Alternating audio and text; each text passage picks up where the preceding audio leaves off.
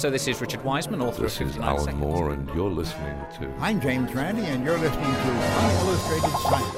Så du, du leker jo Nei, du leker ikke Gud. Kan eh, kurere kreft om fem For meg så er vel det her like nyttig som homøpati. Dødsannonsen. Forskningsnytt. Altså, jeg kan ikke lage en hårete planet. Nei, nei. Uillustrert vitenskap.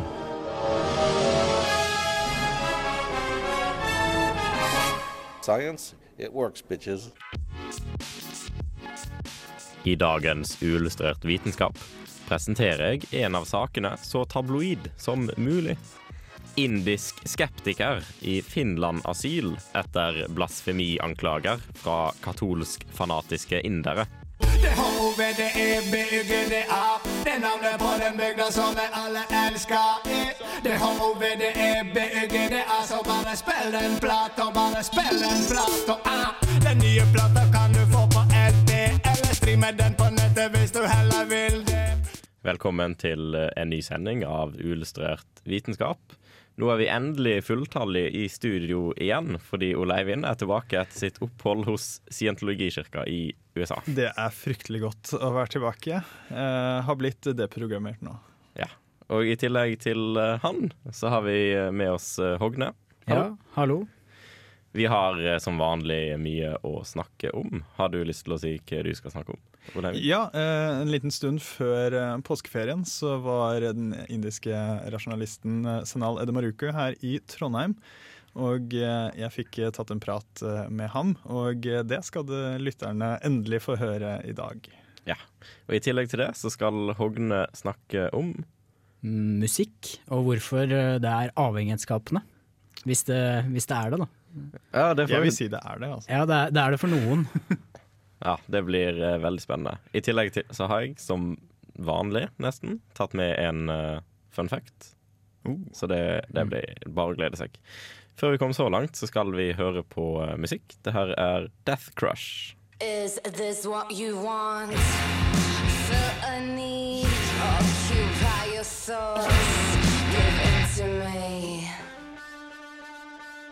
It's not seeking justice, but it's vengeance, anger, or intolerance. That's something the church should not do, in my opinion.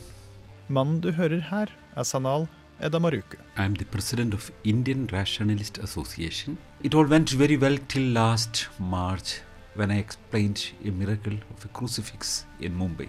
There's a crucifix in front of this church, uh, an old cross and a new uh, Jesus attached to it later, 10 years back. And uh, now suddenly some water drops st- started coming from the feet. It has been dripping down. So they decided that it's uh, Jesus is crying, and the tears are falling through the body, and it's come through the feet. They started collecting this thing and distributing to the people. The news spread like wildfire. People have been visiting, watching this thing, and people have been witnessing the water coming down. And the water was collected and given in spoons to people to drink. People were drinking it. Å si at Sanal jevnlig stiller opp i media, er en underdrivelse. I gjennomsnitt har han en god stund nå deltatt i 200-250 TV-debatter hvert år. Så da han ble invitert av en TV-kanal til å undersøke dette miraklet nærmere, gjorde han det uten å nøle. I found that the wall behind it was wet. There was algae growing on that thing, especially on the ground part, which means there was some water down there. On a little investigation, I found that there was a toilet close by, which has pipes going through the sides, through the wall. And I followed the pipeline. And I found that just behind this crucifix, it was going down underneath to be connected to the main drainage line. And there was a cover of it, the stone flat cover, and by force I removed it. And I found was it was a lot of drainage water, water blocked there, clogged. It was stinking so heavily because it was real dirty sewage water. And water, when it does not go forward or it cannot go down because of gravitational pull, it looks for pores to climb up, which is known as capillary action. So this was what the water was there on the walls, and the cross base was also made of cement like the wall. It has gone up the. There was a nail on the leg of the crucifix. It has come out from the nail and fallen down. It went out and I touched the nail and saw that there was water presence. And above this nail there was no water. It was not coming from ice. but it was through the nail it was coming and falling down. So I smelt it. It was really, really dirty smell like the toilet water there. And this water was distributed irresponsibly to people, thinking that I mean it's holy water. But I, when I explained it in the television in the evening, the church sent five representatives to defend the miracle. Five people on other side, a panel discussion. What an unequal uh, situation. I was all alone and I explained this thing. Then five people shouting at me in the television. You, we have not come here today to the discuss whether it is a miracle, whether it is not a miracle, But whether I there is came to water. establish that this is the not a miracle. The That's email that the conversation that went to the channel was that you are to uh, explain why you attacked the priest when it was a issue of a That, cross. that, is, that is your You- fantasy. That that is is your fantasy. That's not why I today. came here. I Ask the came to expose Ask this miracle. I came to expose this miracle. Fem mot én. Men blant TV-seerne var det tydelig hvem som kom best ut av debatten. On an average, every day, nearly 1,000 people have been visiting this crucifix. And after my explanation on 10th of March last year, people stopped going there. It was convincing. And of course, uh, the church got very angry, furious, and they filed a set of cases against me. But I would say unethical cases. Det var da Sanal, som nå er på, i asyl i Finland. Ja, eksil i hvert fall. Eks- ja, det- ja, kanskje jeg sa feil i introen. Uh, men uh, hva var det som var så på en måte ulovlig med hva han gjorde her? Nei, det er nettopp det. Han gjorde jo ingenting ulovlig. Han bare fant ut at dette her var kloakkvann eh, da han undersøkte dette krusifikset, og så eh, sa han det på TV. Eh, Men så gikk jo disse katolikkene fra kirken og anklaget ham for å ha såret religiøse følelser. Som er en gammel, sånn arkaisk lov som ikke har blitt brukt på over 50 år. Eh, som da sier at ja, det, er, det er ulovlig å såre religiøse, religiøse følelser. Eh, men han vil jo ikke bli dømt i en rettssak, eh, fordi han har jo ikke gjort noe galt, eh, selv etter, etter den loven. Så han har ikke gjort noe galt. Men så har det seg slik eh, at i India så kan da hvilket som helst politikammer arrestere noen uten rettslig kjennelse, eh, hvis de føler for det. Og Kirkens menn de henvendte seg da til eh, 17 eh, forskjellige politikamre. Og de aller aller fleste de eh, avviste jo saken eh, med at det, det her, det gidder vi ikke. En fillesak. Eh, men så klarte de å overbevise jeg tror det var tre av disse politikamrene. Så de la ut sånn arrestordre i sitt område. Så da dro han til et annet område i, India. OK. Men eh, hvis han hadde blitt arrestert, så hadde han jo fortsatt ikke på en måte kunne blitt dømt. Nei. Uh, Men hvorfor vil han da på en måte ikke bli arrestert? Nei, det er nettopp det, da. Han, uh, han er jo ikke noe redd for noen rettssak, eh, fordi den vil han jo vinne. Uh, men han kan bli arrestert, bli satt i et indisk fengsel, som antagelig ikke er så fryktelig artig å sitte i. Og så kan det jo drøye denne rettssaken ganske, ganske lenge, sånn at han blir sittende der på nærmest ubestemt tid. Eh, og eh, det var han ikke særlig eh, gira på, for å si det mildt. Og så fikk han jo høre at I hvert fall rykter da om at nei, noen hadde betalt folk i fengsler til at de kunne drepe ham. Og da blir det jo plutselig veldig farlig å være i fengsel. Og så hørte han rykter om at kirkens menn hadde da prøvd å finne folk som kan da kidnappe ham, eh, der han var i jeg tror det var Delhi, eh, for å ta ham tilbake til Mumbai, sånn at han kunne blitt arrestert der. Eh, og da måte han anså situasjonen som såpass farlig, så dro han til Finland. Han ville jo egentlig dra til sånn USA eller Storbritannia, var i hvert fall det han tenkte på først. Eh, men eh, visumprosessen er jo litt sånn knotete. Så det er en venn i Finland eh, som hadde tatt kontakt med ambassaden, så da han kom dit, så fikk han visum på, flekken, nei, på stedet, da. Og fikk dratt på dagen. Ok, Så nå reiser han rundt i Europa og turnerer.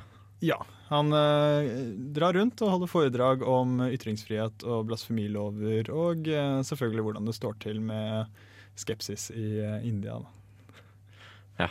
Um, han typen her fikk oppmerksomhet for noen år siden. Ja, eh, jeg tror vi kanskje nevnte dette for eh, noen år tilbake, men i hvert fall tilbake i 2008 så skjedde det som nå i ettertid har fått eh, navnet The Great Tantra Challenge. Han dukker jo opp i sånn fryktelig mange TV-debatter. eh, 200-250 i året før han dro fra landet. Og det var en sak da i 2008 der en politiker mente at motkandidater drev og ja, prøvde å angripe henne med, med sort magi. Eh, dette var jo selvfølgelig sant, fordi hun hadde vært i en liten bilulykke. Eh, Onkelen hennes hadde dødd, og så hadde hun fått litt sånn eksem på bena. Klassiske tegn for eh, sort magi. Så det ble jo selvsagt en TV-debatt om sort magi og politikere som driver med slikt. Så Sanale de Maruke var der. Og der var det også en så, såkalt tantrik, en sånn tantra-guru. Og den guruen han eh, hevdet at han eh, kunne få folk til å besvime ved å chante litt sånn mantraer i eh, ja, et minutt. Og hvis han holdt på i tre-fire minutter, så kunne han få folk til å dø. Oi, uff da. Så Sanal han utfordret ham, sa at dette her er bare tull. Så hvis det faktisk stemmer, så har du nå min tillatelse til å på en måte drepe meg med sort magi. Ikke noe sånn fysisk vold. Eh, Så han eh, godtok jo utfordringen og prøvde å sette i gang osv. TV-kanalen så jo at dette her var jo action.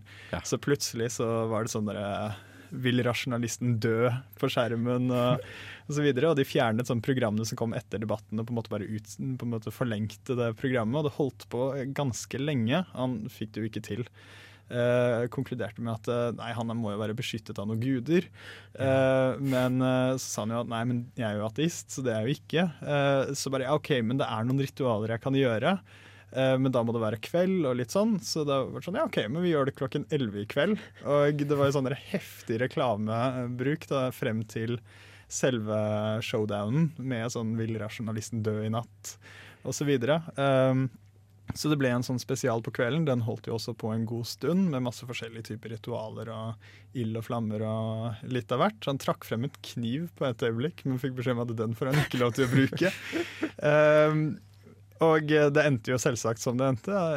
Han klarte jo ikke drepe Sanal med magi. Eh, Men det var en fryktelig stor seier for eh, Sanal, fordi dette her ble jo en skikkelig sensasjon. Det Det oppnådde da de høyeste seertallene noensinne på indisk TV. 58% av kveldens TV-publikum satt og så på dette, dette programmet. Eh, Og for de som er interessert, så kan man se en del klipp på YouTube hvis man søker etter det. Og eh, Jan Sanal holdt jo noen spennende foredrag her i eh, Norge, eh, bl.a. her i Trondheim. Og for de som gikk eh, glipp av det, så kan man også se hele foredraget fra Skeptikere på puben i Oslo eh, på YouTube, hvis man søker etter det. Veldig spennende, Ja. vil- jeg si. Men uh, vi må gå videre. Vi har mye annet å snakke om. Uh, vi skal først høre Kurt Weil med 'Never Run Away'.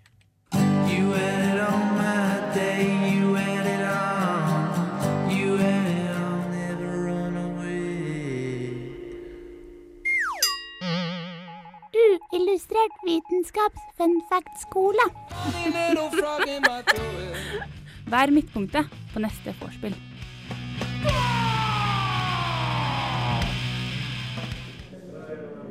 Når du stokker en kortstokk, er det en god sjanse for at du legger kortene i en rekkefølge som aldri før har eksistert, eller kommer til å eksistere igjen. Og det her er jo fordi det er veldig mange forskjellige måter kort kan ligge i en kortstokk.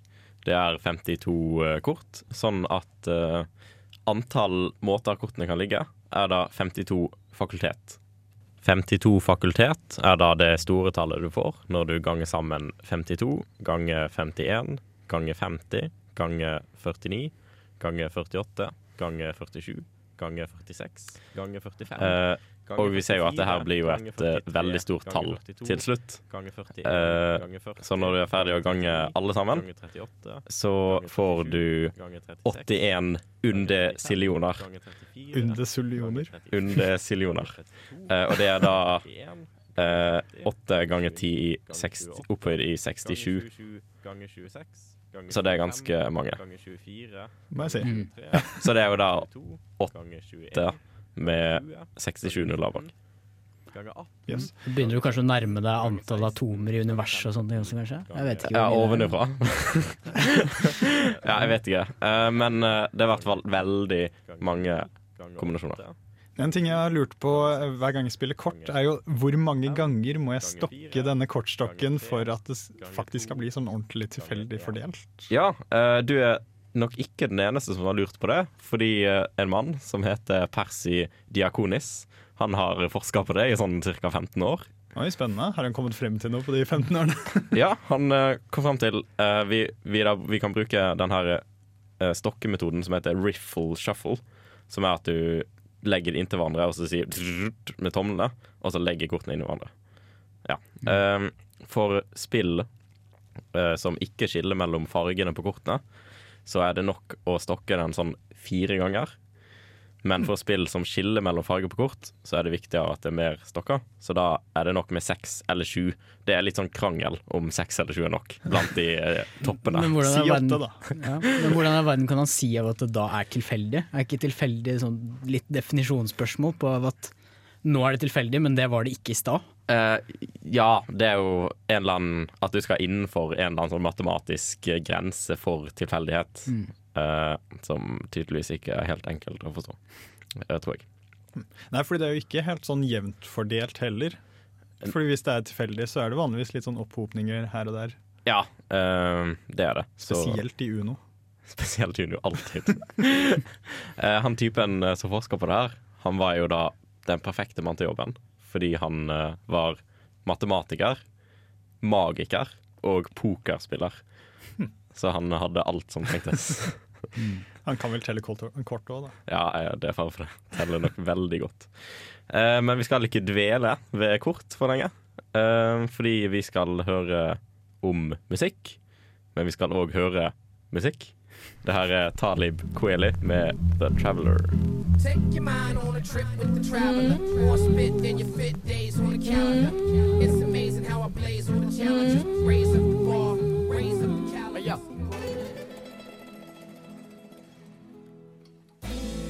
Musikk er en viktig del av livet for de fleste mennesker her på jorda. Uansett om man reiser til Afrika, Mongolia eller midt ut i regnskogen, vil man finne musikk. Og at musikk spiller en ganske viktig rolle for de menneskene som lever der. Men hvorfor er musikk så viktig for oss mennesker?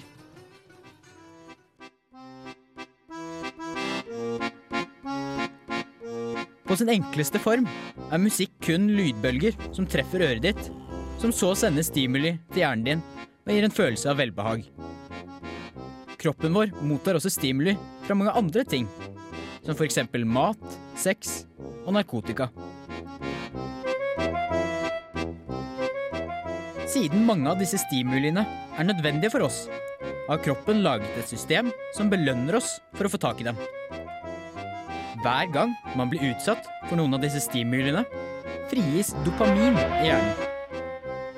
Dopamin er et kjemikal som gjør at du føler velbehag.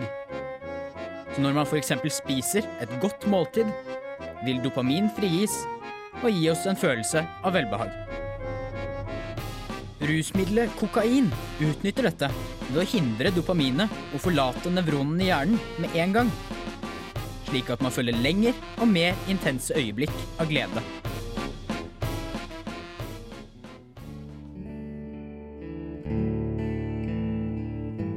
Musikk gir også en følelse av glede ved utslipp av dopamin. Dette selv om musikk ikke har noen direkte hensikter med tanke på å overleve.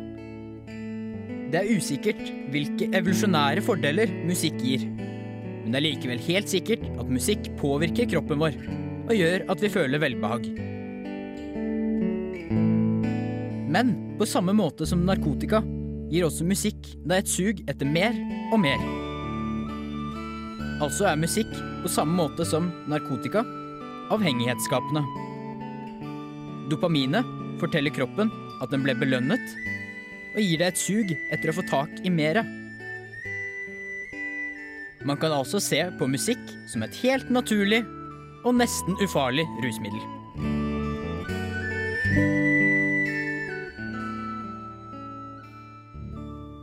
Det var dagens alternativ til kokain. Ja. Eh, det var altså dopamin som var eh, grunnen til at eh, ting generelt blir avhengighetsskapende. Ja, for dopamin har, har da den egenskapen av at Eller den jobben da, å belønne eh, en bestemt atferd, da. Eh, og som Ja, som du du du får produsert dopamin hver gang du gjør noe som føles belønnende. Da. Eh, og det er da evolusjonært betinget da, av at hvis du spiser, så får du utløst dopamin i hjernen, slik at du gjerne vil spise igjen, eh, som er ganske viktig å få i seg, osv. Ja, så det er sånn at alle ting du gjør som det er lurt at du gjør, eh, sånn evolusjonsmessig, det gir deg dopamin. Ja. Og så er det jo noe som har lurt på en måte lurt kroppen og sånne ting. Da, for det er jo ikke veldig lurt å ta kokain, f.eks. Så der har du jo på en måte noen som har lurt uh, det systemet som hjernen har laget. Uh, og ja, Jeg nevnte jo musikk, da, men uh, det er også veldig mye annet som kan gi utslipp av dopamin. Som f.eks. pengespill. Eh, du føler liksom litt sånn spenning i kroppen osv. når du spiller pengespill. Og også dataspill, som også gir Den tror jeg er merket, spesielt Ja. på Tetris. Ja, spesielt. Men det er andre ting. Det har vi snakket om før. Ja, Tetris-effekten, ja. Uh, og noen forskere ved Århus universitet har også sjekket uh, eller testet dette her og funnet ut av at uh, når du spiller voldelige spill, så slipper du ut tre ganger mer dopamin enn det du gjør når du får i deg kokain. Yes. Oi. Så det har veldig stor effekt på kroppen. da. Men hvorfor akkurat voldelige spill? Hadde de noen forklaring på det? Mm, nei, men Nei, jeg vet ikke. Du, du har jo en mye høyere spenning i kroppen da, siden du på en måte er i en voldelig situasjon, selv om du fortsatt sitter foran skjermen. Gir litt mening. Ja, så det er, det er nok derfor det er forskjell på voldelige spill og vanlige dataspill. Da. Hmm. Men generelt hvorfor dataspill skal være belønnende, det, det Sånn evolusjonsmessig er litt mer innviklet, regner jeg med, for det er ikke helt det som får oss til å overleve. Jo. ja. Uh, og, ja, og grunnen til at du blir avhengig av sånne ting, du kan også bli avhengig av dataspill osv., er jo at du skader systemet, eller du får eh, litt for mye av dette her. Eh, og, eller du trenger for så vidt ikke skade systemet, det kan jo fortsatt være sunt. Det er ikke skadelig å høre på for mye musikk f.eks., men du føler da en avhengighet til slutt, da, fordi av at uh, du gjør det så ofte. Og da kombinerer du dette her da med at musikk er lik eh, dopaminutslipp, som betyr en belønning. Det forklarer hvorfor jeg har veldig store problemer med å bare la det være stille. Kanskje? Ja, kanskje. Og jeg, jeg tror jeg på en måte Jeg er på en måte litt motsatt. Så jeg, jeg tror jeg ikke har hørt nok på musikk. Så jeg har på på en måte ikke blitt avhengig ennå. Så- Vil du ha litt musikk? Ja, har du god musikk? Ja, du må ha ganske mye, da. Jeg har jo hørt mye musikk i løpet av livet mitt, men det har fortsatt ikke blitt nok. Eh, Men det gjelder jo også veldig sånne generelle ting. Da. Det kan forklare veldig generelle ting. F.eks. når du sjekker mail eh, og trykker deg inn på mailen din. Det er en god følelse. Så- Ja. så- Spesielt når den er tom. Ja, spesielt Ja. når den er tom, faktisk. Og det, det du gjør, er at du gjør det altfor ofte. Av at eh, folk blir jo sittende der og sjekker mailen og sjekker mailen, og sånn ingen nye mail, ingen nye mail. Og så gjør du det hvert 20. minutt i løpet av hele dagen. Eh, da har du på en måte blitt litt avhengig. Ja, det vil jeg si. Eh, og da er det jo fordi at du har følt en belønning noen gang for å sjekke mail, og at du et eller annet fått en eller annen positiv eh, mail eller et eller annet. Eller, Jeg fikk en sånn kar eh, som jeg skulle arve penger av. Det var en veldig god følelse. ja. Men du har jo i hvert fall fått noen sånne positive følelser, da. Flere ganger sannsynligvis. Eh, og ja, til slutt så vil du gjøre det oftere, da. Det er litt som å sjekke Facebook, Ja. som det er noen som blir avhengig av. Du blir også avhengig av Facebook. Men der, der er litt annet uh, konsept også, da. For der blir du på en måte Du er ikke avhengig av Facebook, men du er mer avhengig av vennene dine, faktisk. Av at når du ja, til slutt uh, Du er sikkert sammen med vennene dine på dagen, og så går dere hvert, hvert dere sitt. Så uh, slutter jo ikke det der, da. For da kan du fortsatt prate på Facebook. og være sammen med vennene dine egentlig hele tida. Eh, og da har du på en måte blitt litt avhengig av vennene dine, da, som gjør at du er veldig mye på Facebook. En uh, veldig relatert eh, fun fact til det dopamin og musikk uh, som jeg hørte nylig, var, uh, var det at når du får frysning når du hører på musikk, så er det nettopp uh, pga. dopamin. Sånn. Ja, OK. Ja. Det er artig. Det er, jeg tror jeg aldri har opplevd. Har du ikke fått frysning? Jo! Unnskyld. Nå roper jeg her. Jeg måtte tenke meg om. Så det er i hvert fall bra vi har dopamin i kroppen. Ja, må jeg si. Eh, viktig. Viktig. Eh, skal vi humpe videre til Ja, vi eh, kan- neste nivå? Nei, neste sak. Eh, vi skal eh, ha litt nyheter. Det har ikke vært så mye spennende denne uka her. Men det har, det har vært litt. Eh, musikk. Holograms, Flash and Bone.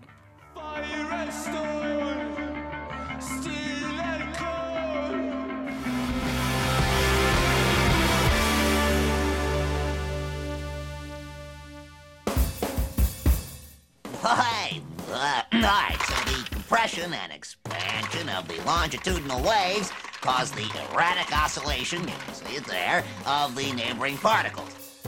Uillustrert vitenskap. Da var vi kommet til eh, forskningsnytt for denne uka.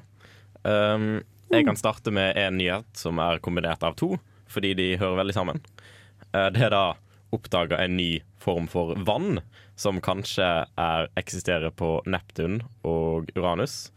Og så er det oppdaga en ny form for magnesiumoksid, som kanskje eksisterer inne i planeter generelt. Først tror jeg du må forklare en ny form for vann. Ja, vi kan begynne der.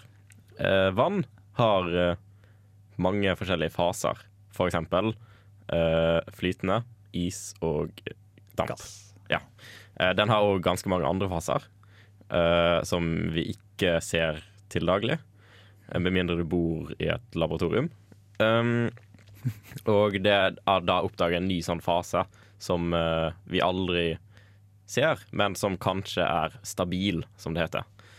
Um, ved et trykk på én million atmosfære så har vi kanskje den her nye formen for superjonisk vann. Da kommer vel spørsmålet hvor finnes det et trykk på én million atmosfærer? Uh, for eksempel på Neptun og eh, Uranus. Så, ja. På, på planeten? Eh, Sikkert litt inni planeten, eh, tror jeg. um, det her er da Ja, sånn strukturmessig så skiller de seg jo da fra vanlig vann, sånn som på alle måter vi kjenner det, eh, og ligner litt, sånn, litt på metaller, faktisk. Eh, sånn at Men det er sånn, de lærde strides om hva, hvilke egenskaper den her vannet ville hatt, hvis vi kunne observert det. For eksempel i det her paperet som da folk skrev når de oppdaga det, var at uh, det ville nok oppføre seg litt som en væske og flyte. Mens uh, den andre kilden jeg har, som er Wikipedia, uh, der sto det at det sikkert ville oppføre seg som være hardt som jern og lyse gult. Oi, kontrovers. Ja. Jeg, jeg stemmer for lyse gult. Ja, det, det gjør jeg òg. Men gjerne at det flyter, da. Ja, det hadde vært fint. Men måten du oppdager en ny fase på, er ikke Det ligger jo ikke bare og slenger rundt. Eh, for du kjører en datamaskin med en simulering som av og til sier pling når den har oppdaga en ny stabil fase ved en eller annen form for forutsetning. F.eks. For veldig høyt trykk. Eh, og det var jo akkurat det som skjedde med de som oppdaga nye stabile faser av magnesiumoksid. Eh, Ja, og altså, Med mindre man er kjemiker, eh, da skjønner jeg at man blir litt gira. Men hvis man ikke er kjemiker, hvorfor bryr man seg om uh, nye stabile former magnesiumoksid? Jo, um, det er jo et veldig viktig spørsmål. uh, så de som oppdaga det her, de skrev jo i uh, denne utgivelsen sin en forklaring på hvorfor det er nyttig. Jeg kan lese det opp. These two compounds might exist in interiors of other planets and are thus potentially important for our fundamental understanding of the universe. Yes. Uh, ikke veldig håndfast. Det gjelder ganske ofte, det der, altså. Ja, veldig nyttig. Um, jorda består kanskje av 10 magnesiumoksid. Um, så et par nye typer, som kanskje er helt inn i midten, er jo ganske spennende. Så var det disse, denne ja, datamaskinhjernen. Ja, fordi Ja, nå glir vi over i en ting. Ja. Fordi eh, en superdatamaskin, eh, de vil jo ofte regne på ting. Eh, og å regne på ting, det er hjernen vår god på. Sånn at eh, de beste superdatamaskinene, eh, de vil jo Du kan prøve å modellere hvordan hjernen fungerer med de, eh, men det tar veldig lang tid. De er treige til å gjøre det. Men så er det noen luringer som har lagd seg en liten datamaskin som fungerer på samme måte som hjernen fungerer. Um, med neuroner og sånne ting. Ganske avanserte greier. Det som er fint, er at uh, denne datamaskinen bruker da for å modellere ett sekund hjernetenketid, så bruker den da ett sekund. Mens f.eks. den beste superdatamaskinen bruker da 1500 sekunder for å modellere et hjernesekund. Yes. Det er den der gigantiske sånn synaps fra IBM, er det ikke det? Jo, det er det. Men eh, Så den her er bedre enn superdatamaskinen, da?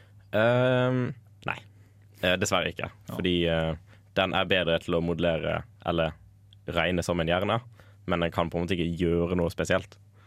Um, og pluss at uh, den her superdatamaskinen, som brukte så og så lang tid på hjerne osv., uh, hadde ganske mange flere neuroner uh, enn den her.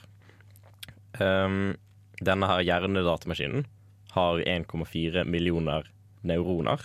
Det er ganske mange. Det er ganske mange. Det er faktisk like mange som en kakerlakk. Å ja. Kanskje ikke så mange. Mens vi mennesker har ganske mange flere. Vi har vel kanskje sånn 64 millioner? Ja, jeg uh, gjetter på det. Så den er tøff fordi den regner som en hjerne, men den er litt skuffende fordi den ikke er bedre enn en superdatamaskin. Selv om det er noe sånn, en, bare en sånn liten gjeng som har lagd den. Men også eh, billigere og mer energieffektiv. Og Ja. det er en grønnere hjerne. Absolutt en grønnere hjerne. uh, nyhet nummer tre. Ja, Um, det er da en liten nyhet uh, som kan være viktig. Uh, det er CERN-fysikere som har funnet en årsak til hvorfor dette her materie, eh, antimaterie-forholdet i universet er så skjevt. For rundt oss så finnes jo bare materie, eh, mens når man eh, danner eh, ja, når, det, når det skjer eh, reaksjoner, så så dannes det gjerne ofte eh, materie og antimaterie. Så da, da har de lurt på hvor antimaterien er blitt av. Og nå har de funnet svaret på det. Ja, eller enda et svar, eller hva det nå skal si. For de har funnet enda en partikkel til som når den da brytes ned, eller splitter seg, eller spaltes, eller jeg vet ikke hva det heter, så danner den mer materie enn antimaterie. Ok, Så det blir litt materie til overs. Ja, så det blir mer materie. eh, Og det kan jo ha vært med på å danne universet, som er da mer materie enn antimaterie. Eh, du sa at eh, det her var en ny partikkel Ja. som gjorde sånn. Er det flere som gjør sånn? Ja, dette her er nummer fire, eh, og den har fått navnet Bos. Som, ja, jeg vet ikke hvorfor. Eh, Men eh, allerede i 1980 så fant de den første partikkelen som kunne gjøre dette her, da. Men eh, de kan jo være med å forklare hvorfor dette forholdet er så skjevt. Men det er, ikke noen helt revolusjonerende oppdagelse, for det er oppdaget lignende partikler før. Ok, Så da er det bare å krysse fingrene for at vi ikke oppdager en antiversjon av den partikkelen som lager mer antimaterie enn materie. Det hadde vært litt kjipt. Ødelagt alt. Eh, vi skal høre mer musikk. Det her er Tremoro, Tarantura, Kamenian.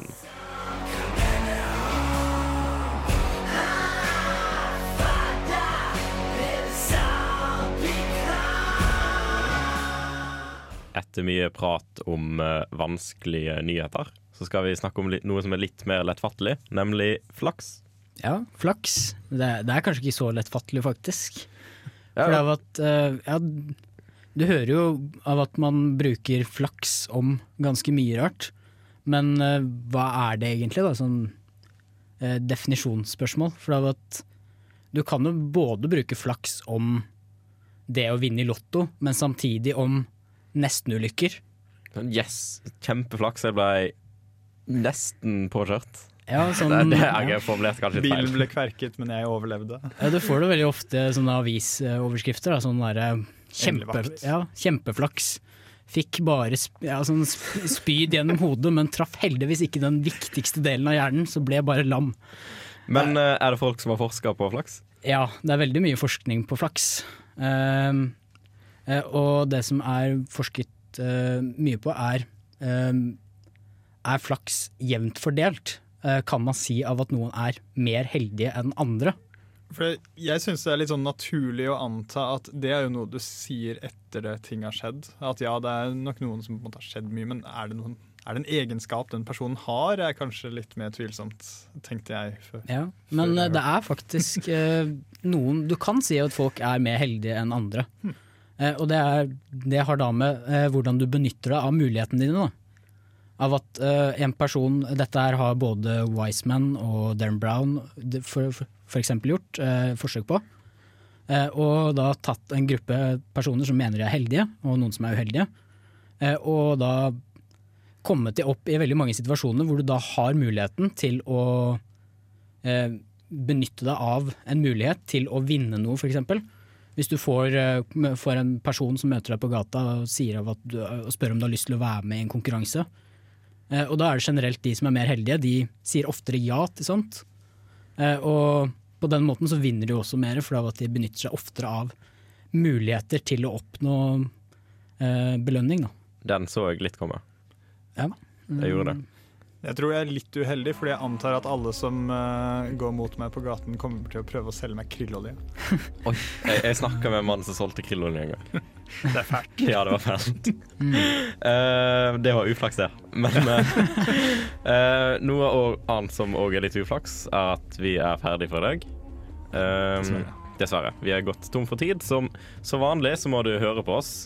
Du hører jo allerede på oss. På uh, podkast på iTunes og på dusken.no, som er nettsida der vi holder til. Musikk, vær så god. Watch them be disposed.